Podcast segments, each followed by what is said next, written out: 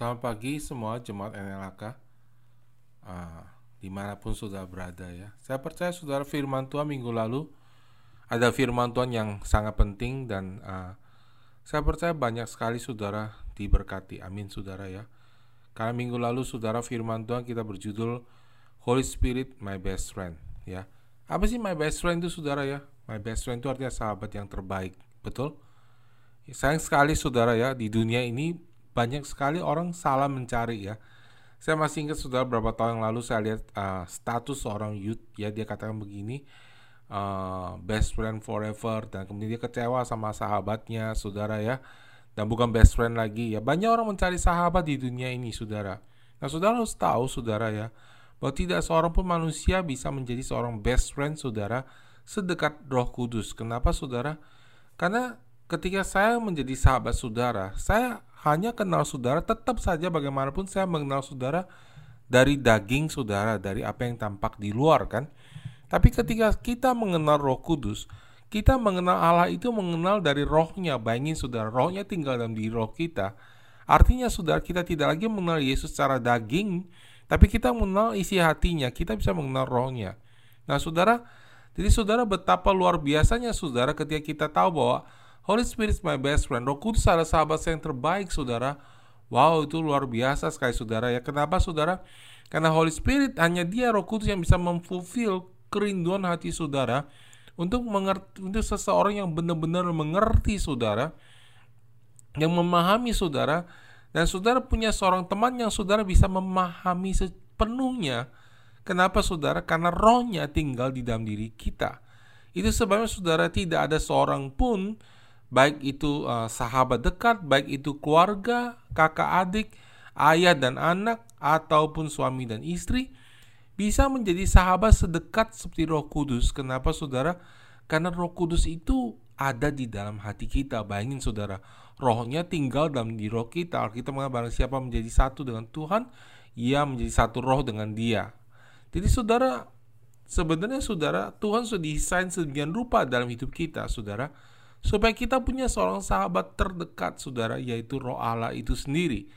Nah, banyak sekali orang tidak mengerti ini dan mereka mencoba mencari penerimaan dari manusia, pengertian dari manusia, padahal saudara tidak seorang pun bisa memahami saudara ataupun saudara bisa memahami saya seperti Allah memahami saya dan saya pun tidak mungkin memahami saudara-saudara seperti saya bisa memahami Allah. Kenapa saudara? Karena roh saudara tidak tinggal diri roh saya dan roh saya tidak tinggal diri roh saudara. Tapi roh Allah tinggal dalam diri saya sehingga saya bisa memahami Allah lebih daripada memahami semua setiap orang yang di muka bumi ini dan Allah bisa memahami saya lebih daripada setiap orang yang ada di muka bumi ini. Wow, itu luar biasa banget sudah bayangin saudara ya. Saya punya sahabat yang sedekat itu saudara ya seseorang yang saya bisa pahami lebih daripada siapa pun di muka bumi ini dan seseorang bisa memahami saya lebih dari siapa siapa pun di muka bumi itu dan orang itu sahabat itu adalah roh Allah. Wow luar biasa. Dahsyat banget saudara ya pengertian ini. Bayangin saudara Yesus sendiri mengatakan saudara ya namun benar yang kukatakan ini adalah lebih berguna bagi kamu jika aku pergi sebab jika aku tidak pergi Penghibur itu tidak akan datang kepadamu, tetapi jikalau aku pergi, aku akan mengutus dia kepadamu dan kalau ia datang, ia akan mengisapkan dunia akan dosa, kebenaran dan penghakiman. Oke, nah kita uh, bahas yang paling atas tadi dikatakan begini, saudara. Namun benar yang kukatakan ini adalah lebih berguna bagi kamu jika aku pergi. Sebab jikalau aku tidak pergi, penghibur itu tidak datang kepadamu. Ini pengertiannya luar biasa loh saudara. Ya. Bayangin saudara, saya terjemahkan dalam bahasa sehari-hari, Yesus mengatakan, kalau penghibur itu datang, lebih baik daripada aku ada di sini.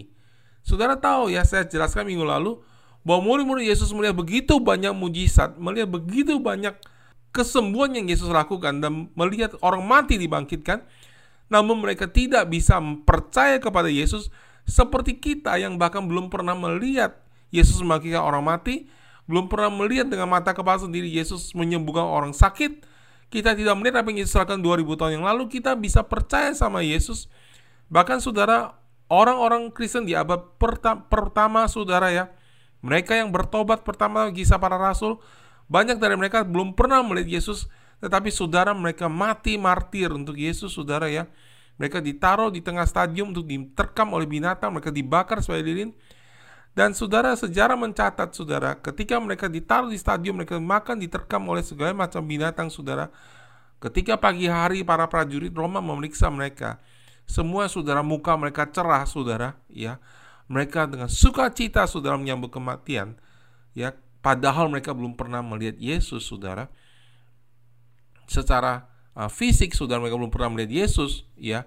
Sedangkan murid-murid yang sudah melihat Yesus secara fisik saudara, mereka lari waktu Yesus disalibkan. Mengapa saudara? Karena sudah ketika Roh Kudus datang kepada kita, dia membuat Yesus itu pertama-tama real dalam hidup kita dan kemudian real dalam hidup orang yang kita beritakan kabar kebaikan. Amin, saudara ya.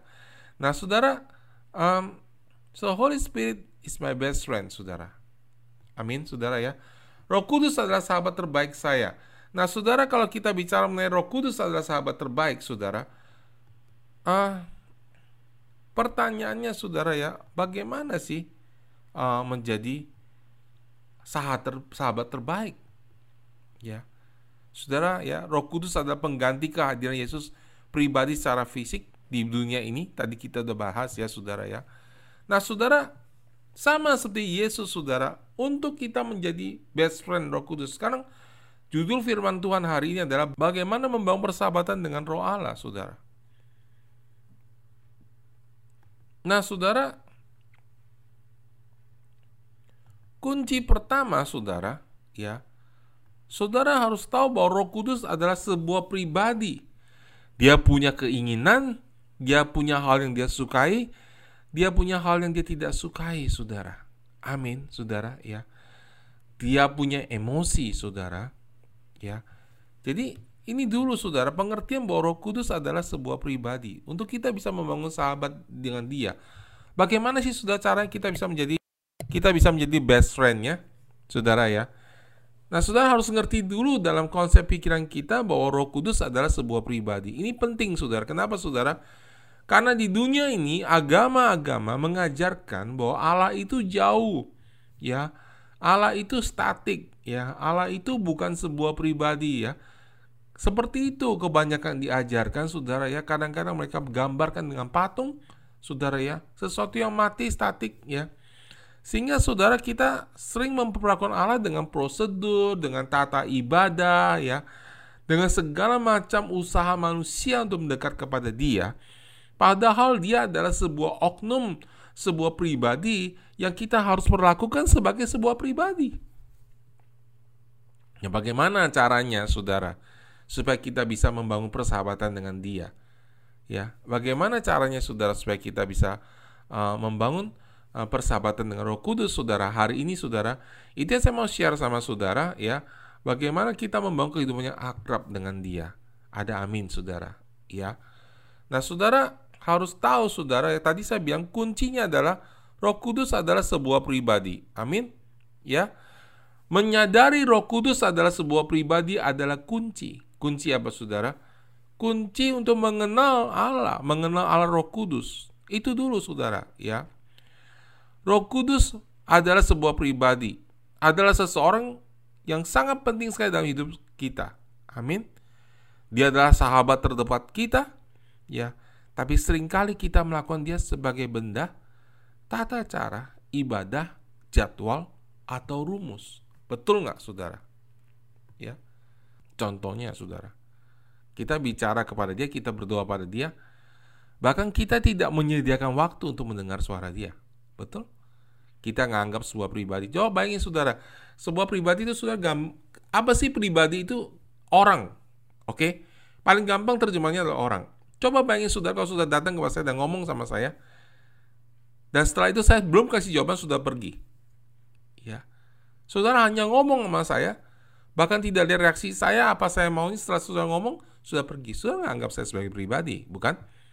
Sudah anggap saya sebagai benda. Nah sering kali kita berdoa begitu. Kenapa saudara?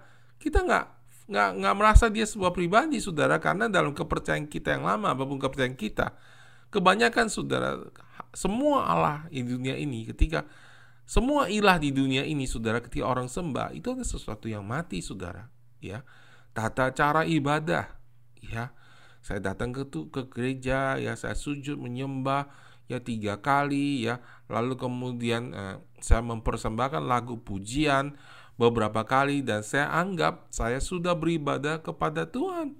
Saya sudah berhubungan dengan Tuhan saya sudah bersekutu dengan Tuhan. Padahal bukan itu saudara. Kita pikir lihat jadwal kebaktian. Oh jam sekian harus selesai kebaktian ya. Itu saya saya ketemu Tuhan itu pakai jadwal saudara ya atau bahkan sebagai rumus ya Pastor, bagaimana sih caranya mendapatkan jawaban doa? Saya harus berdoa bagaimana? Saya ingat dulu saudara ya, seorang teman saya saudara dia dari uh, kepercayaan yang pai-pai saudara ya, yang sembahyang ya, kemudian dia datang kepada Tuhan, dia tanya sama saya ya, Stefanus bagaimana sih caranya ya? Saya bisa berdoa sama Tuhan, apa yang saya harus lakukan saudara? Ya, saudara di dalam kekristenan di dalam hubungan dengan Tuhan, saudara, bukan apa yang harus saudara lakukan. Siapa kita? Itu yang penting. Amin, saudara. Ya. Ketika anak saya datang kepada saya berbicara kepada saya, bukan bagaimana cara berbicara yang nomor satu. Oke? Okay? Nah, tentu anak saya harus belajar. Saya ngomong, saya mengerti maksud saudara. Maksudnya adalah berbicara dengan hormat, berbicara dengan nada yang sopan, betul itu semua benar. Tapi pertama-tama dan terutama saudara, anak saya bisa nyelonong masuk ke kamar saya yang ketika saya sedang bekerja atau saya sedang uh, melakukan pelayanan, dia bisa nyelonong bicara sama saya. Pertama-tama bukan karena bagaimana caranya, dia bisa lakukan itu pertama-tama karena siapa dia? Dia adalah anak saya. Jadi saudara, pribadi, identitas itu membuat dia bisa berbicara sama saya. Jadi saudara, bukan caranya saudara. Ah, saudara dengar nggak saudara? Bukan cara berdoa yang penting. Kita bisa ajarin cara berdoa. Itu cuma seperti saudara ajarin anak saudara cara berbicara. Tapi saudara ketika anak kita salah berbicara pun kita masih menjawab kenapa saudara? Karena hubungan. Karena dia adalah anak dan kita adalah orang tuanya. Jadi saudara, itu artinya saudara memperlakukan atau mengerti bahwa Roh Kudus adalah sebuah pribadi, ya. Karena dia adalah sebuah pribadi, kita harus memperlakukan dia sebagai seorang pribadi. Amin. Ya. Dia adalah sebuah pribadi dengan identitas dan emosi. Pribadi itu harus dikenal, nggak bisa dihafal. Amin. Ya, kadang-kadang saudara ya, saya tahu apa yang istri saya suka. Kadang-kadang saya tidak tahu. Saya tahu apa yang dia suka, tapi tetap dia nggak suka. Kenapa saudara? Karena hubungan antar manusia itu bukan rumus. It's a hubungan, it's a relationship. Ya, sering kali saudara ya, suami-suami nggak ngerti ini saudara, memperlakukan istrinya dengan rumus. Ya, bukan, bukan, dia bukan sebuah rumus. Dia adalah hubungan dengan emosi yang bisa berubah-berubah. Kita bisa nggak mengenalnya? Bisa, walaupun tidak bisa sempurna, ya. Tetapi kalau kita mengenal Roh Kudus, kita bisa sempurna. So, saudara memang Allah Roh Kudus itu punya kesukaan, punya hal yang dia tidak suka, ya. Dia juga punya sebuah emosi, saudara. Itu sebabnya, saudara, ketika kita mengenal dia dengan baik, saudara, kita punya kemampuan atau kita punya pengaruh, kita punya hubungan yang baik, kita tahu bagaimana caranya membuat dia bisa bekerja, dia mau bekerja lebih tepatnya, saudara, membuat dia mau bekerja dalam situasi di mana tidak ada hadirat Tuhan, tapi ketika kita mengenal Dia, kita bisa tahu caranya. Kalau saya lakukan ini, langkah ini saya lakukan, Dia pasti akan bekerja. Ya, bukan rumus, saudara. Itu nggak bisa diajarkan tuh karena saudara punya pengalaman sama Dia. Amin. Ya, nggak bisa diajarkan caranya begini, nggak bisa, saudara. Saudara itu kesalahan sebanyak kebanyakan orang, saudara. Kenapa saudara? Orang sering bertanya, gimana sih cara ngusir setan? Gimana sih cara mendoakan orang sakit? Gimana sih cara berdoa supaya dijawab? Saya tanya sama saudara sekarang. Di Alkitab ada nggak cara mendoakan orang sakit? Ada, ada. Caranya gimana? Tumpangan tangan kasih orang sakit. Dan orang itu akan sembuh. Usirlah setan. Dan setan akan keluar. Itu caranya. Tapi orang nggak puas. Gitu doang. Ya gitu doang. Kenapa orang sakit bisa sembuh? Karena biru-biru Yesus telah menebus dia. Gitu doang. Ya gitu doang. Kalau ada cara yang lebih rumit, tentunya Yesus sudah ajarkan, bukan? Tapi kita nggak lihat itu di Alkitab. Jadi orang tidak puas, saudara. Orang lalu belajar. Saya mau belajar cara ngusir setan. Oke, diajarin ya lihat retro encounter sekali dua kali tetap nggak bisa ngusir tetap pingin cara caranya jadi gimana sih sebenarnya saya bertahun-tahun belajar gitu saudara ya. Belajar nginjil saudara ya. Ikut seminar ini seminar itu ya. Yang paling saya nggak suka adalah belajar khotbah saudara. Kenapa saudara? Saya bingung saudara sama caranya saudara ya. Caranya kok nggak ada di Alkitab gitu loh yang diajarin gitu saudara. Jadi Alkitab nggak ada ajarin kita cara berkhotbah. Kemudian karena orang butuh mereka bikin ilmu berkhotbah ilmu teologi tapi setelah lulus sekolah teologi pun nggak bisa lakukan apa-apa yang Yesus lakukan saudara ya ada orang bingung saudara ya kok anak-anak youth kid gereja kita bisa berkhotbah mereka nggak sekolah teologi Si saudara kuncinya, saudara ya, saudara sekolah teologi atau enggak? Bukan itu kuncinya, saudara. Ya, saudara mungkin dapat pengetahuan. Tapi kuncinya adalah pengenalan Roh Kudus. Pengetahuan penting, saudara. Ya. Pengertian kebenaran itu penting. Amin. Sudah tahu sudah bisa mengusir setan, penting. Kita tahu bahwa dosa kita telah diampuni, penting. Kita tahu kita punya kuasa dalam nama Yesus untuk mengusir setan dan dalam nama Yesus orang sakit itu akan sembuh. Penting banget saudara. Tetapi saudara setelah saudara tahu semua itu saudara, ya. Tetap aja saudara, kuasanya saudara tidak besar. Kenapa saudara? Karena saudara kunci rahasianya, saya kasih tahu saudara. Dengarkan baik-baik, kedalaman persahabatan kita dengan Roh Kudus menentukan kuasa pelaksanaan dari apa yang telah kita ketahui atau yang telah kita pelajari di Alkitab. Karena Yesus mengatakan Yohanes 15, barang siapa tinggal dalam aku dan aku dalam dia, dia akan berbuah banyak. Di luar aku, kamu tidak bisa berbuat apa-apa. Tetaplah tinggal di dalam aku dan aku di dalam kamu, artinya tetaplah menjaga hubungan So, saudara kuncinya itu, saudara luar biasa sekali, saudara. Yesus tidak pernah ajarkan apa-apa, saudara ya. Yesus, saudara ya, sama dengan kita. Bedanya, saudara, waktu dia pelayanan 5000 uh, beri roti untuk 5000 orang, ya, dengan lima roti dan dua ikan selesai semua pelayanan, semua pulang, saudara, apa yang dilakukan? Dia didorong untuk berdoa. Dia berdoa, saudara. Dia pergi berdoa. Hubungannya yang luar biasa itu yang kuncinya yang kita tiru saudara. Ya. Bukan metode dan caranya. Saudara mengerti nggak saudara? Saya kasih saudara sebuah rahasia yang besar sekali supaya jemaat kita bisa hidup berkemenangan. Ada amin? Ya.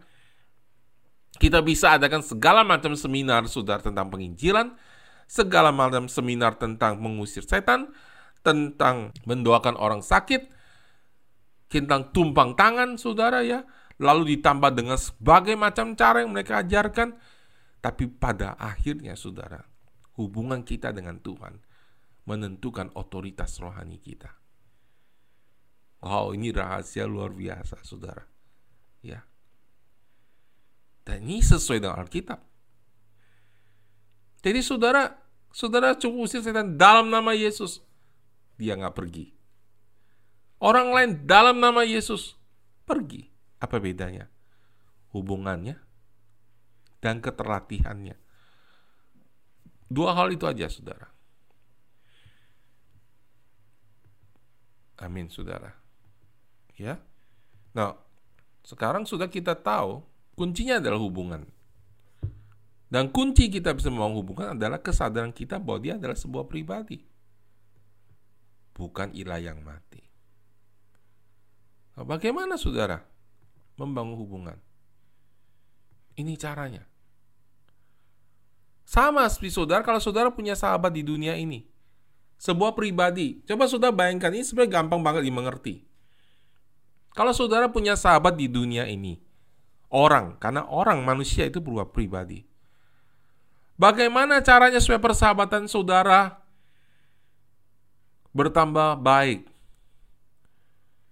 Oh, saudara sogok dia, ya, nyontek bareng. itu manusia, men. Ya, itu persahabatan yang terjadi karena manusia berdosa, saling merusak. Tapi mereka anggap itu persahabatan. Kalau nggak nyontek bareng, kamu nggak perhatiin saya. Oh, bikin dosa rame-rame. Ya, ada orang bilang gini, saya lebih suka cerita sama orang di luar gereja karena orang di luar gereja itu menerima saya apa adanya. Apa sih dimaksud dengan menerima saya apa adanya? Kalau saya cerita dosa, mereka nggak menghakimin saya. Apa yang dimaksud nggak menghakimin saya? Oh, kalau kamu berbuat dosa, saya juga happy. Oke okay lah, kamu emang pendosa, saya juga pendosa. Sama-sama happy, saya nggak menghakimin kamu. Maksudnya mereka tidak menghakimi adalah saudara mereka tidak menegakkan standar firman Tuhan. Amin. Kalau saudara lihat saudara satu orang sudah berbuat dosa, kita bilang tegurlah dia di bawah empat mata. Itu bukan menghakimin, itu berusaha menolong dia, menyelamatkan dia. Kalau menghakimin tuh bilang gini loh, kamu tuh udah gak ada harapan. Allah sudah tidak mengasihi kamu. Nah itu menghakimin. Tapi kalau kita menolong dia dan bilang kamu harus keluar dari itu bro. Hidupmu akan hancur karena itu. Itu bukan menghakimin. Masa saudara melihat ada anak saudara mau jatuh ke jurang, saudara bilang, stop nggak? Sekarang harus stop, karena kamu jatuh. Kamu mati kalau kamu jatuh. Itu menghakimi enggak? Bukan, saudara. Ya, itu menolong. Jadi saudara, itu bukan persahabatan kalau saudara melihat orang berbuat dosa dan biarkan dia berbuat dosa. Amin. Ya. Nah, persahabatan yang benar tuh gimana sih, saudara? Pertama hormat. Anda amin saudara. Ya. Hormat. Kalau saudara bicara sama teman saudara, sama pasangan saudara, tanpa rasa hormat, lalu pakai kata kasar, saudara, kalimat-kalimat kasar, kalimat-kalimat kebun binatang, kira-kira gimana sih hubungan saudara? Atau kalau sudah nggak memperhatikan perasaan orang tuh gimana sih? Apakah orang itu suka nggak dekat sama saudara? Enggak. Betul nggak saudara? Kita suka dekat sama orang yang menghormati kita, yang anggap bahwa kita bicara itu penting. Betul nggak? Begitu juga dengan Tuhan. Begitu juga dengan roh kudus. Takut akan Tuhan adalah saya menyadari hadirat Tuhan. Itu hormat sama Tuhan. Amin nggak saudara? Ya. Simple. Orang nggak ngerti apa takut akan Tuhan. Takut akan Tuhan tuh sadar bahwa dia punya hadiratnya ada, dia sebuah pribadi. Dia hadir di sini dan saya lebih sadar hadiratnya daripada orang hadir orang sekeliling kita sehingga saudara ketika saya ingin ngomong sama seseorang, saya ingin marah sama seseorang, bukan lagi takut bahwa saya berbuat dosa dengan memarahi orang itu, tapi karena saya takut saya mendukakan hati Roh Kudus yang ada dalam diri saya, karena dia adalah sahabat terbaik saya. Saya lebih lebih tidak mau lebih lebih khawatir bahwa Roh Kudus terluka. Roh Kudus dipadamkan di dalam hati saya daripada orang itu yang saya uh, tegur marah. Saya lebih mau memperhatikan apa yang Roh Kudus katakan dalam hati saya daripada apa orang itu katakan. Itu takut akan Tuhan. Hargai. Amin. Ada amin nggak saudara? Nah, kalau saudara misal saya datang ke rumah saudara dan saya menghargai saudara seperti itu, ya saya perhatiin saudara, ya ketika saudara bicara saya dengarkan, Ya, saya perhatikan apa yang saudara katakan. Kira-kira saudara seneng nggak? Kira-kira saudara seneng nggak bergaul sama saya? Senang. Kenapa? Saya didengerin, saya diperhatikan. Ya, nggak usah, nggak usah saya kasih hadiah atau kado apa. Pertama-tama, saudara, yang paling menyenangkan kita adalah ketika orang lain mendengarkan kita. Amin, saudara ya. Ya, banyak kadang-kadang orang tua, saudara ya, kasih kado ke anak, tetapi anaknya tetap memberontak. Kenapa? Karena orang tua nggak pernah dengar apa yang anaknya katakan. Kalau sudah mendidik anak dengan hanya cara memberikan, memberikan, memberikan kebutuhan fisiknya, tapi saudara tidak pernah mendengarkan apa yang menjadi keluhan dan isi hatinya, saudara, dia akan memberontak. Kenapa, saudara? Hubungan tidak terbangun. Demikian juga dengan Allah, saudara. Saudara bukan memberikan persembahan kepada dia. Itu sebabnya, saudara, Yesus bilang sama Marta, Marta kami sibuk banyak hal, tapi Maria telah memilih yang terbaik. Dia duduk di kakiku, dia mendengarkan. Jadi bagaimana cara membangun hubungan saudara? Dengarkan Perhatikan apa yang dikatakan. Nah, saudara luar biasa ayat ini. Saudara coba perhatikan. Di dalam Amsal 2. Apa yang dikatakan di sini, saudara? Hai anakku, jikalau engkau menerima perkataanku, menyimpan perintahku di dalam hatimu, saudara terima apa yang disampaikan firman Tuhan, simpan di hati sehingga telinga memperhatikan hikmat, mencenderungkan hatimu kepada kepandaian, ya jika engkau bersuruh kepada pengertian dan suaramu kepada kepandaian, jikalau engkau mencarinya seperti mencari perak, mengejarnya seperti mengejar harta terpendam, maka engkau akan memperoleh pengertian takut akan Tuhan dan mendapat pengenalan akan Allah, karena Tuhanlah yang memberikan hikmat. Sini dulu, saudara. Sampai di sini dulu, ya. Ini luar biasa loh ayat ini saudara. Waduh ini ayat favorit saya saudara di Amsal saudara. Jikalau engkau, kita baca lagi saudara. Hai anakku, jikalau engkau menerima perkataanku dan menyimpan perintahku di dalam hatimu, sehingga telingamu memperhatikan hikmat dan engkau mencenderungkan hatimu kepada kepandaian, ya jikalau engkau berseru kepada pengertian, atau berteriak kepada pengertian, dan menunjukkan suaramu kepada kepandaian. Jikalau engkau mencarinya seperti mencari perak dan mengejarnya seperti harta terpendam, maka engkau akan memperoleh takut akan Tuhan dan mendapat pengenalan akan Allah. Ya, ini ayat luar biasa banget, saudara. Ya, nah saudara, saudara, kenapa sih oh, kadang-kadang orang nggak kenal, nggak, nggak, nggak dapat pengenalan akan Allah? Kita mencari Allah seperti mencari capcay. Ya, mencari rendang sapi. Ya. Kenapa, Saudara? Saya ingin makan rendang hari ini. Ya. Saya makan ingin makan capcay hari ini. Saya ingin makan bakmi hari ini. Eh, yang saya cari nggak ada, nggak dapet gitu, saudara. Ya. Jadi kalau nggak dapet gimana? Ya sudahlah, mungkin besok ada rendang. Ya. Saya ada rendang sapi nggak ada. Oke kita beli rendangnya Sandy yang bukan sapi itu. Ya. Saya ingin cari sayur. Hari ini nggak ada. Oke kita ganti aja makan bakmi. Nggak ada masalah. Kesel sih hatinya. Tapi pengen ya sudah nggak ada masalah. Yang penting makan. Tapi kalau mencari emas dan perak itu beda, saudara. Ya, saya ingat saudara waktu suatu saat saya sama anak-anak saya, saudara ya kita pergi ya sama istri saya kami sekeluarga Pergi saudara jalan-jalan, lalu kami datang ke sebuah penam, tambang emas yang sudah tua banget. Dan semua di situ turis saudara sibuk mengayak-ngayak mencoba cari emas, ya. Karena itu memang salah satu uh, daya tarik wisata di sana dan kita kayak cari emas saudara. Itu habis loh, waktunya lama banget ya. Masih kecil banget, kecil, kecil, kecil banget saudara. Masih botol kecil kalau gede ya udah rugi lah mereka. Betul nggak saudara? Itu orang tuh sibuk cari lu lama lu saudara ya saya sampai aduh ampun ya. Tapi kalau dapat lu disenengnya bukan main. Dicari terus saudara ya. Isi saya turun cari anak saya cari semua pada cari emas saudara ya di situ ya. Dari sungai itu di, di ayak gitu saudara ya. Itu cari emas. Kalau dapat kita simpen di botol kita beli botol kecil saudara ya. Taruh situ cuma satu titik kecil banget gitu saudara yang nggak ada artinya. Ini emas nih saudara ya. Dan saudara orang tuh banyak habisin berjam-jam di sana saudara untuk dapatkan emas. Nah saudara tapi kita nggak begitu sama firman Tuhan. Kenapa saudara? Kita nggak tahu besarnya kuasa firman Tuhan. Kita kalau baca kita baca ya sudah nggak baca hari ini ya sudah nggak ada apa-apa ganti yang lain. Kenapa saudara? Karena kita tidak mencari seperti mencari emas dan perak. Itu sebabnya saudara orang tidak mendapat pengenalan akan Allah. Kenapa saudara? Karena hati kita nggak kepingin benar-benar dengar.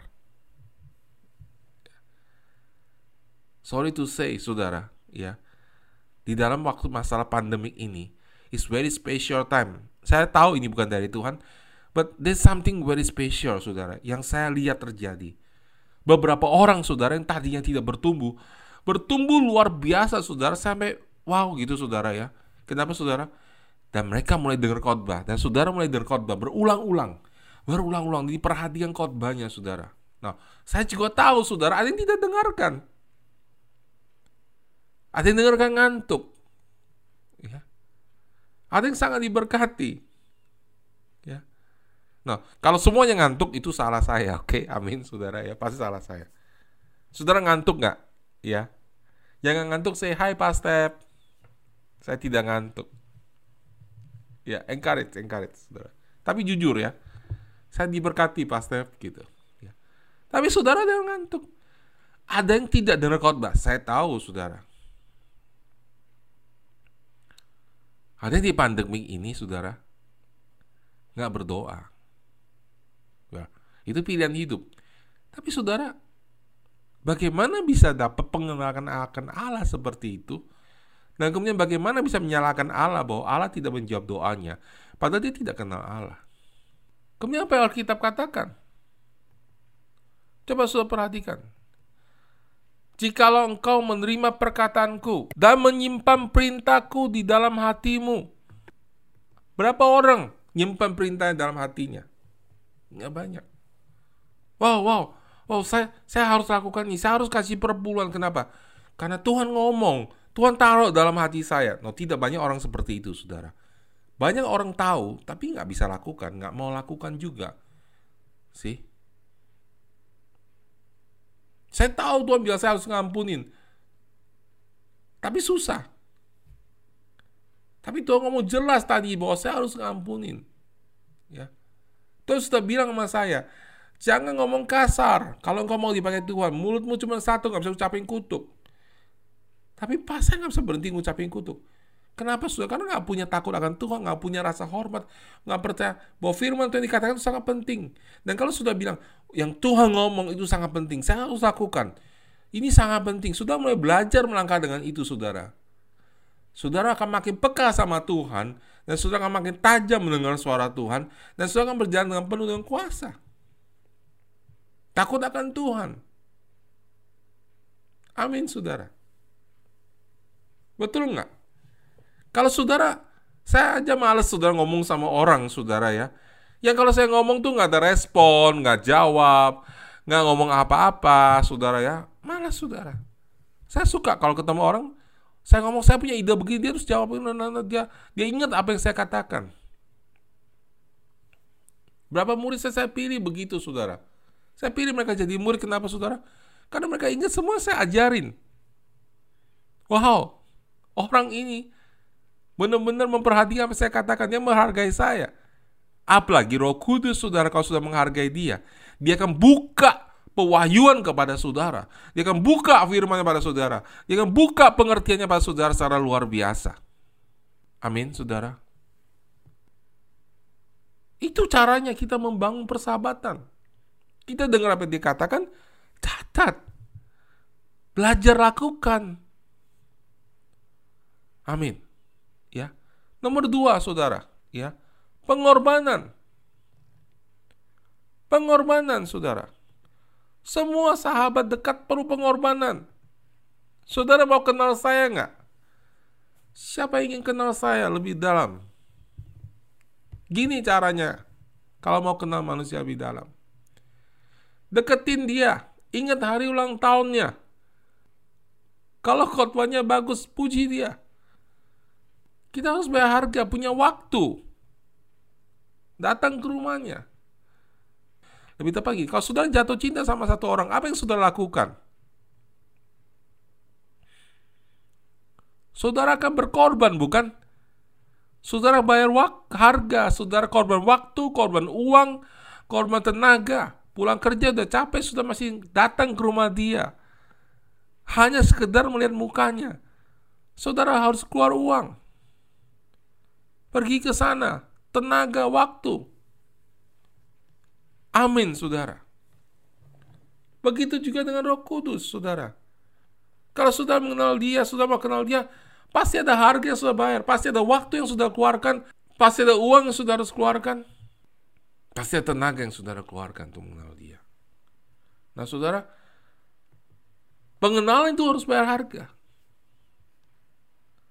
Banyak orang, saudara, bingung. Bukannya keselamatan gratis ya, Pak? Keselamatan gratis, keselamatan anugerah. Banyak orang bingung antara keselamatan dan pengenalan. Keselamatan itu selalu gratis. Keselamatan itu bicara mengenai identitas kita sebagai anak, anugerah kebenaran bahwa kita sudah dibenarkan sekali untuk selama-lamanya, hidup kekal bahwa kita sudah bicara, kita mendapatkan hidup yang kekal dan pengampunan yang kekal. Hanya karena saudara mendapatkan pengampunan yang kekal, bukan berarti saudara sesungguhnya menangkap arti itu. Kenapa saudara? Belum tentu saudara kenal siapa yang memberikan saudara pengampunan itu. Saya kasih contoh saudara, anak saya lahir dari saya. Lebih tepatnya dari rahim istri saya, tapi dari benih saya. Anak saya lahir dari saya. Tidak langsung kenal saya kan? Saya mengasihi dia, mengasihi ketiga anak saya sejak dari kecil. Tapi untuk mengenal saya, mereka perlu waktu untuk sama saya. Mereka harus belajar apa yang papanya suka, apa yang papanya nggak suka. Demikian juga dengan roh kudus, saudara. Untuk mengenal dia, saudara, kita perlu punya waktu, kita perlu punya harga dibayar. Kenapa, saudara? Karena pengenalan itu selalu akan berbicara mengenai panggilan, kuasa, pengalaman serta kedewasaan dalam Kristus. Begitu saudara mengenal Kristus, saudara akan punya pengalaman dengan dia, saudara punya kedewasaan, saudara punya kuasa. Yesus bilang begini, Barang siapa tidak mengikut salibnya dan tidak mengikuti aku, ia tidak dapat menjadi muridku. Sebab siapakah di antara kamu yang mau mendirikan sebuah menara tidak duduk dahulu membuat anggaran biayanya. Kalau-kalau cukup uangnya untuk menyelesaikan pekerjaan itu, Lukas 14 ayat 27 sampai 28. Paulus mengatakan, ya sudah lebih tegas lagi. Yang kukendaki ialah mengenal dia dan kuasa kebangkitannya dan persekutuan dengan penderitaannya di mana aku menjadi serupa dengan dia di dalam kematiannya supaya aku akhirnya beroleh kebangkitan di antara orang mati. Bukan seolah-olah aku telah memperoleh hal ini atau telah sempurna, melainkan aku mengejarnya supaya kalau aku dapat juga menangkapnya. Karena aku pun telah ditangkap oleh Kristus Yesus. Saudara-saudara, aku tidak sendi Aku sendiri tidak menganggap bahwa aku telah menangkapnya. Tetapi yang ini yang kulakukan. Aku melupakan apa yang di belakangku dan mengarahkan kepada apa yang di hadapanku dan berlari-lari kepada tujuan untuk memperoleh hadiah yaitu panggilan surgawi dari Allah dalam Yesus Kristus. Saudara lihat dengan jelas sekali Alkitab mengatakan bahwa aku telah ditangkapnya. Artinya apa saudara? Kita sudah diselamatkan. Tapi apa yang harus Paulus kejar? Paulus mengejar pengenalan dia. Kenapa saudara? Kalau pengenalan kepada Allah artinya saudara memperoleh mengerti panggilan saudara, baru saudara bisa mencapai panggilan saudara kalau saudara mengenal akan Allah. Ada amin saudara. Ya. Keselamatan yang sudah berikan memberikan saudara damai, memberi saudara keyakinan, kepastian bahwa saudara sudah diampuni dosanya. Tetapi ketika saudara memakai keselamatan yang sudah dapatkan untuk kemudian membuat Roh Kudus, supaya mengenal Roh Kudus dan supaya Roh Kudus bangkit dalam diri saudara, dan saudara mencapai panggilan saudara, itulah hidup yang diberkati. Itulah kepuasan hidup. Ada amin, saudara. Ya. Tadi saya bicara ini lebih lanjut. Kalau Allah kasih kesempatan. Di bagian akhir khotbah ini. Jadi saudara, jelas banget saudara. Ayat ini. Bahwa pengenalan itu harga. Paulus bilang, aku sudah ditangkap. Aku ingin kenal dia. Seperti dia sudah kenal aku. Luar biasa banget, saudara. Allah mengenal kita. Allah peduli, Allah mengerti. Sudah tahu what's the problem with that song? Apa masalah dengan lagu itu? Allah peduli, Allah mengerti. Tapi jika engkau tidak mengerti apa yang Allah mengerti, Allah tidak bisa bekerja. Kenapa saudara? Pengenalan Allah menghasilkan iman. Iman timbul dari pendengaran. Pendengaran akan firman Kristus, bukan firman Allah. Bahasa aslinya, iman timbul dari pendengaran, pendengaran akan firman Kristus. Di kitab Roma dikatakan, apa artinya saudara? Artinya, firman yang memberikan pewahyuan tentang pekerjaan Yesus Kristus di atas kayu salib dan kuasa kebangkitannya. Firman yang seperti itulah yang mendapatkan yang memberikan iman kepada kita. Amin. Semua firman Allah kita dibukakan baik di perjanjian lama maupun di perjanjian baru berpusat pada Yesus Kristus. Amin. Banyak di Mazmur Daud cerita penderitaan, sebenarnya bukan penderitaan dia.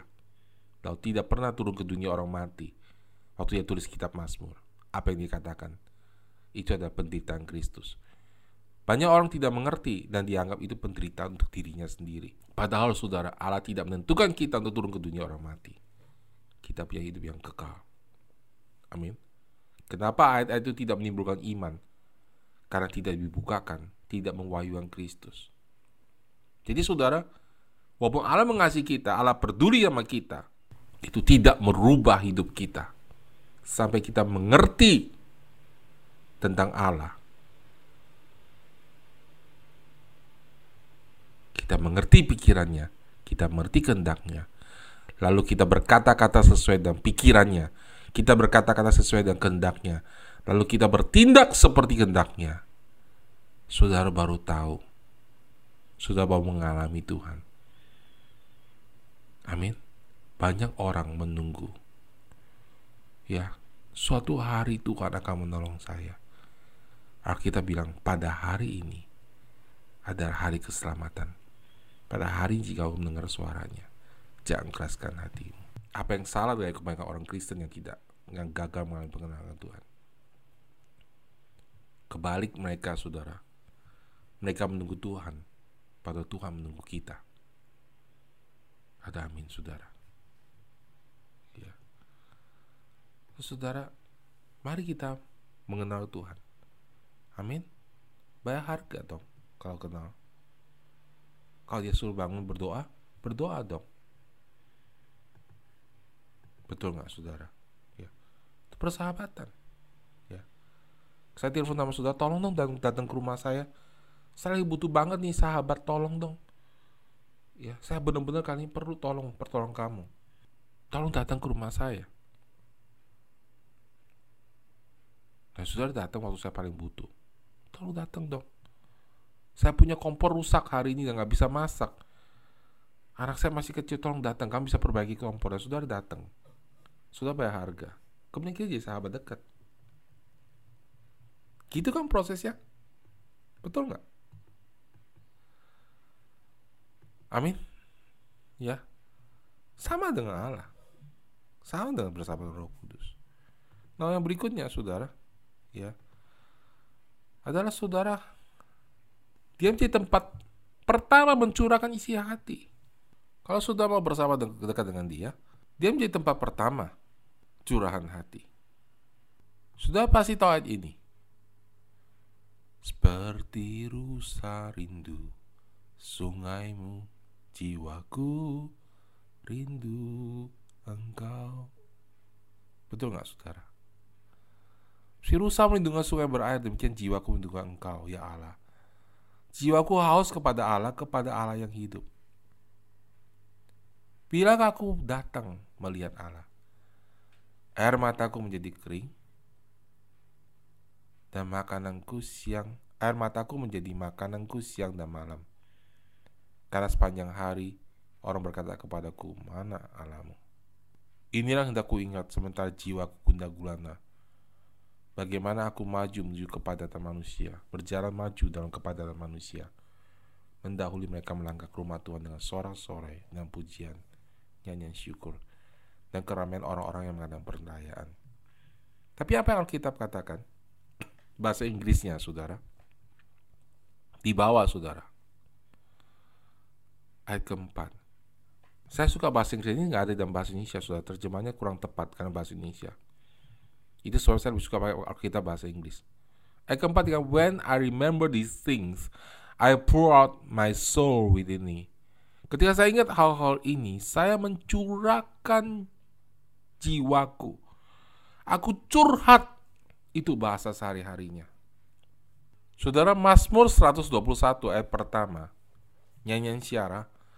Aku melayangkan mataku ke gunung-gunung. Dari manakah datangnya pertolonganku? Pertolonganku ialah dari Tuhan yang menjadikan langit dan bumi. Ia tak akan membiarkan kakiku goyah, penjagaku tidak akan tertelap. Sesungguhnya tidak terlelap dan tidak tertidur penjaga Israel.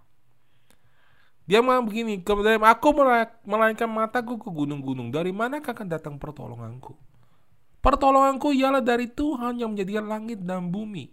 Amin. Gunung-gunung itu apa saudara? Gunung-gunung itu gunung-gunung yang bisa tolong kita, gunung-gunung perlindungan. Misalnya kalau saudara punya masalah, saudara cari orang kaya, orang pintar, teman lebih dahulu dibanding dengan Tuhan. Tapi dibilang di sini lebih dahulu dibanding daripada Tuhan. Dikatakan di sini, saudara, di Mazmur 93 ayat keempat, daripada suara air yang besar, daripada pecahan ombak gelombang yang laut yang hebat. Lebih hebat Tuhan di tempat tinggi. Apa maksudnya saudara? Masalah kita itu hebat. Masalah kita itu berat. Kita itu sulit saudara. Tapi daripada kesulitan kita saudara yang hebat itu, masalah yang begitu hebat yang tidak bisa kita pecahkan, sakit penyakit yang begitu hebat saudara menimpa kita. Tapi saudara keuangan masa keuangan begitu hebat. Tetapi sudah daripada gelombang-gelombang yang tinggi, lebih hebat Tuhan di tempat yang tinggi. Tuhan yang diutamakan lebih dahulu. Nah saudara, poin ini sangat penting. Kenapa saudara? Saya kasih tahu saudara.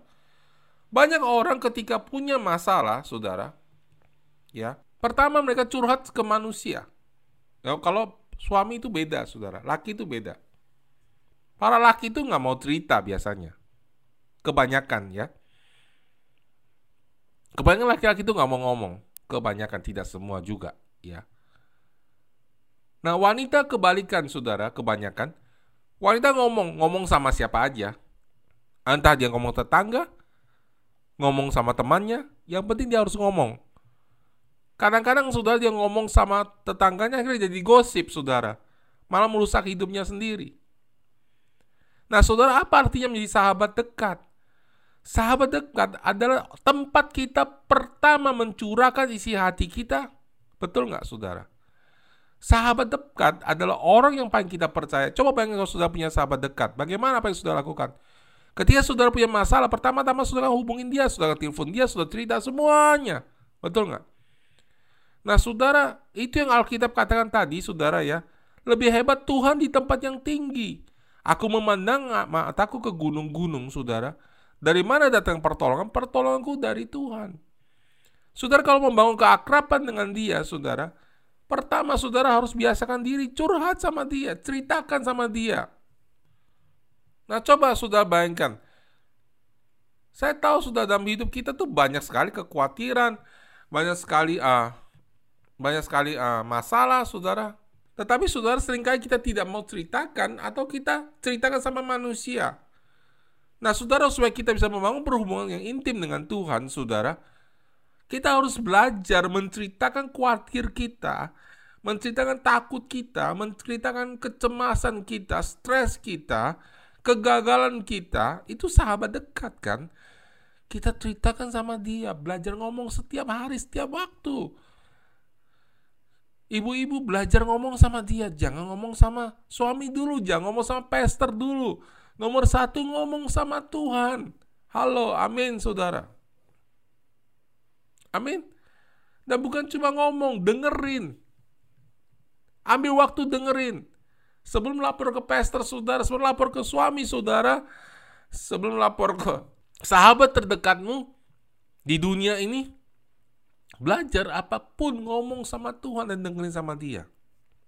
Nanti, saudara ngomong aja saudara, pagi, siang, malam ngomong sama dia saudara.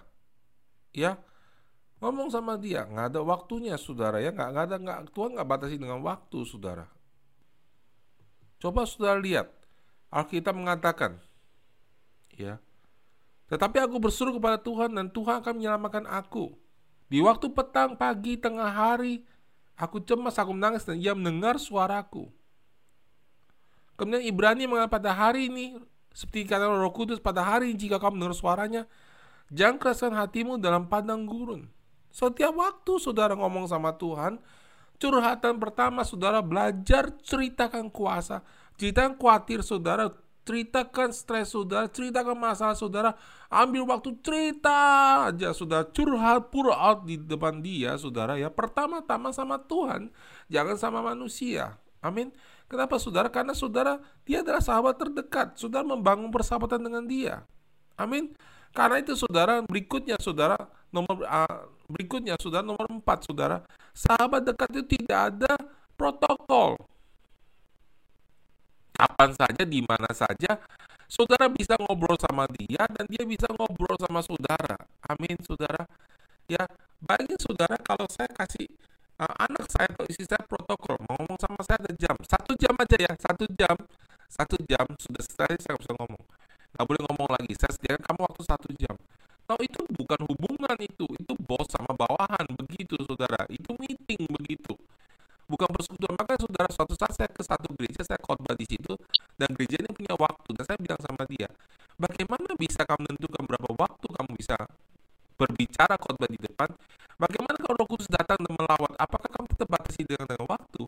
Karena waktu tidak bisa dilakukan kalau kita membangun keintiman. Kapan saja, di mana saja.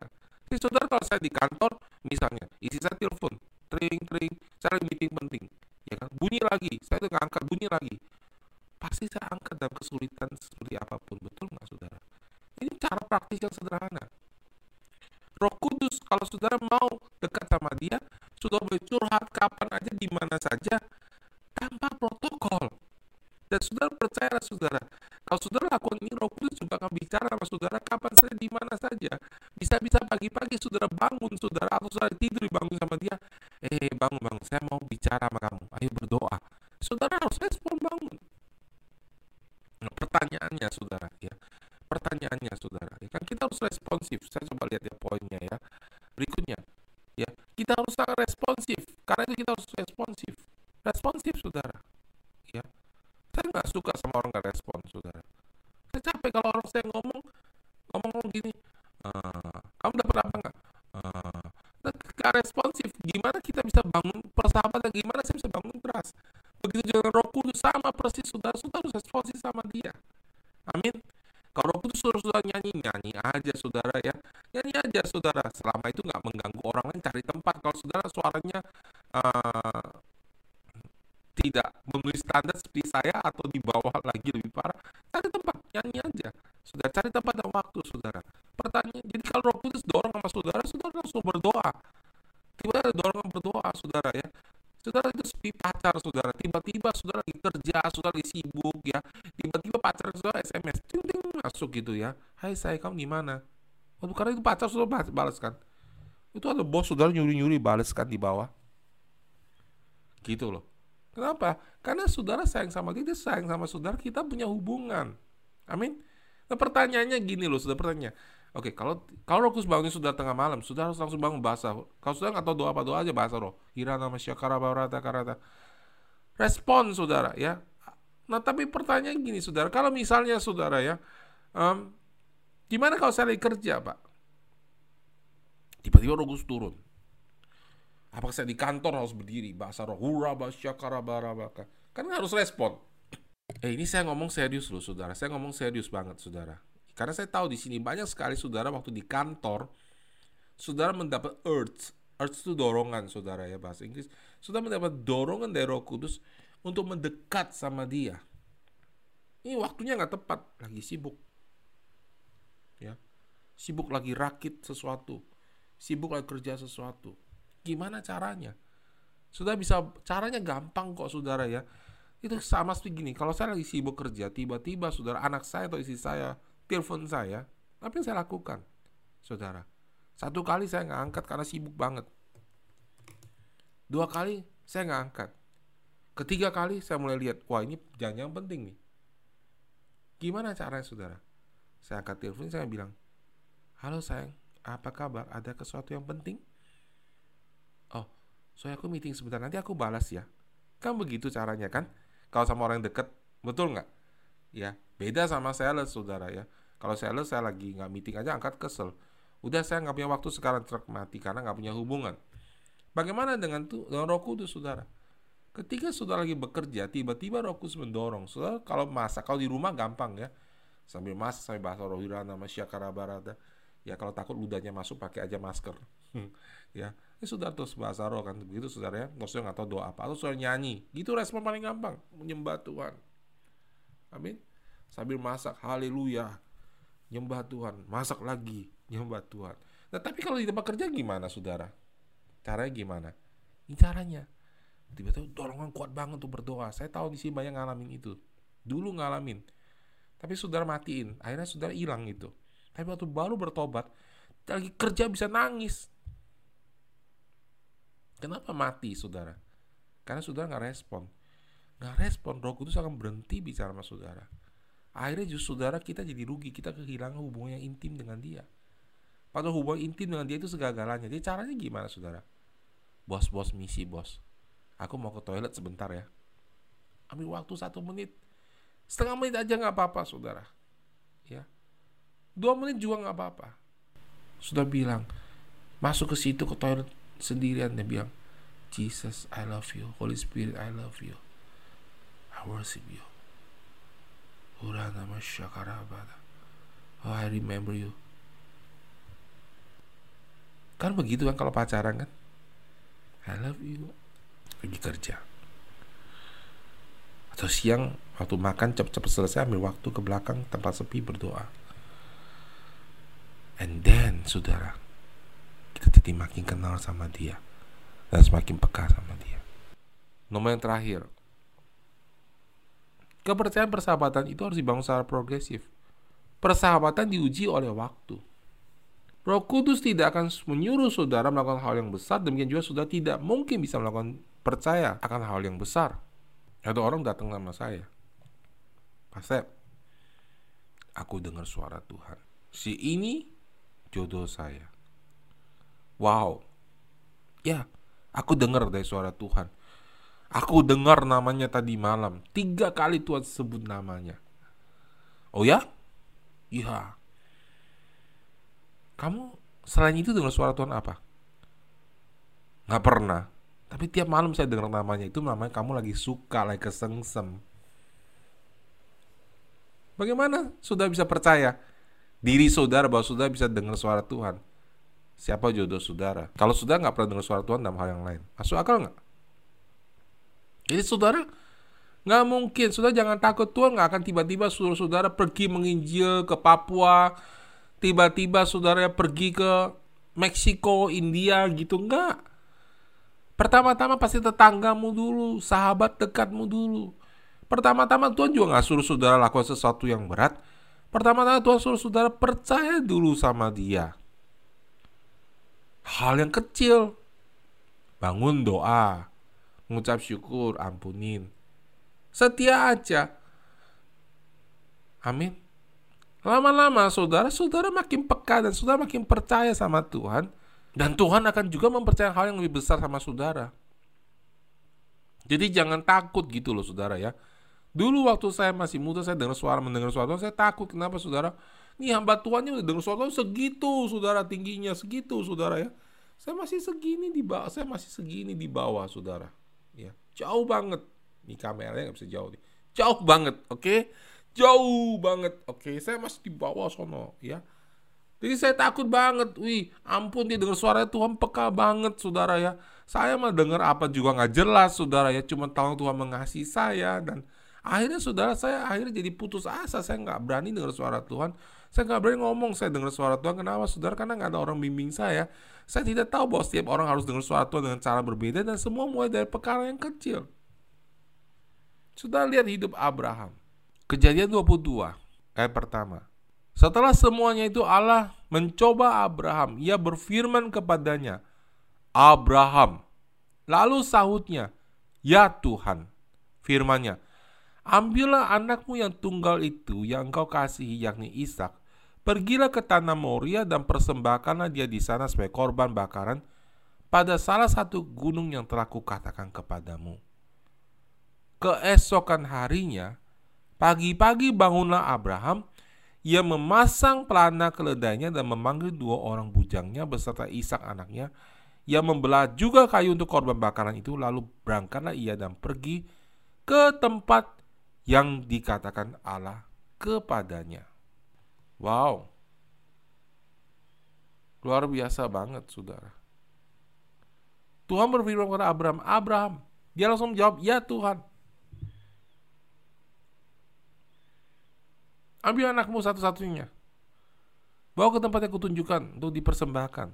Besok dia langsung bangun. Wah, jangan-jangan Tuhan suruh saya persembahkan anak saya satu-satunya ini. Eh, ntar dulu, ntar dulu, ntar dulu. Abraham, waktu Tuhan ngomong itu apa sih saudara-saudara tahu nggak? Itu perintah terakhir. Setelah itu selesai saudara semua uji Abraham dia diberkati setelah itu selesai. Berikutnya ceritanya fokusnya bukan Abraham lagi, Ishak. Artinya apa saudara? Suaranya itu puncak kedewasaan rohaninya. Dulu saya baca ayat gini ketakutan saya saudara. Jangan saya harus persembahkan hal yang paling saya sayang. Aduh. Ya. Tapi sudah lihat Ketika Tuhan bilang, Abraham, Abraham, ya Tuhan. Dia nggak ragu suara Tuhan atau enggak. Dan ketika perintahnya buat dia hampir nggak masuk akal, sudah nggak masuk akal sama sekali. Dia juga masih tahu nih suara Tuhan. Kenapa saudara? Karena Abraham sudah bersahabat dengan Allah secara progresif. Dan dia tahu, dan dia tahu, dan dia tahu. Itu suara Tuhan Allahnya. Dia sudah kenal itu suara Tuhan Allahnya. Tapi kalau kita belum sampai ke level itu, jangan seperti itu. Bangunannya secara progresif, jangan takut. Kenapa saudara? Karena Roma 8 ayat pertama karena demikian sekarang tidak ada penghukuman bagi mereka yang ada dalam Kristus Yesus. Roh yang memberi hidup telah memerdekakan kamu dalam Kristus Yesus dari hukum dosa dan hukum maut. Amin. Kemudian ayat ke-14, semua orang yang dipimpin oleh roh Allah adalah anak-anak Allah. Saudara lihat nggak di situ? Bahwa pertama dimulai, bahwa sekarang tidak ada penghukuman. Artinya apa saudara? Kalau saudara mau hidup dipimpin oleh Allah, saudara harus tahu dulu dan tahu dulu bahwa kita tidak ada penghukuman di dalam Kristus Yesus. Artinya apa saudara? Kalau kita salah dengar suara Tuhan, nggak ada dihukum, jangan takut. Namanya juga belajar, betul nggak? Masa anak belajar berjalan, terus dia jatuh saudara supaya orang tua marahin dia? Enggak kan saudara? Dia sedang melatih dirinya. Amin saudara. Mari kita berdoa saudara. Bapak aku berdoa, supaya semakin hari kami semakin mengerti dan mendekat dengan Roh Kudus. Kami mengenal Dia. Dia tempat curhat kami, tempat kami curahkan semua isi hati kami. Semua rasa takut kami. Tempat kami pertama-tama datang. Tempat kami berbicara setiap hari. Dan Roh Kudus berbicara kepada kami setiap hari. Dalam nama Yesus. Amin. Tuhan Yesus memberkati. Saya percaya firman ini menjadi berkat dari banyak orang. Jangan lupa saudara bersaksi kau sudah mendapat berkat dari firman hari ini. Dalam nama Tuhan Yesus. Amin.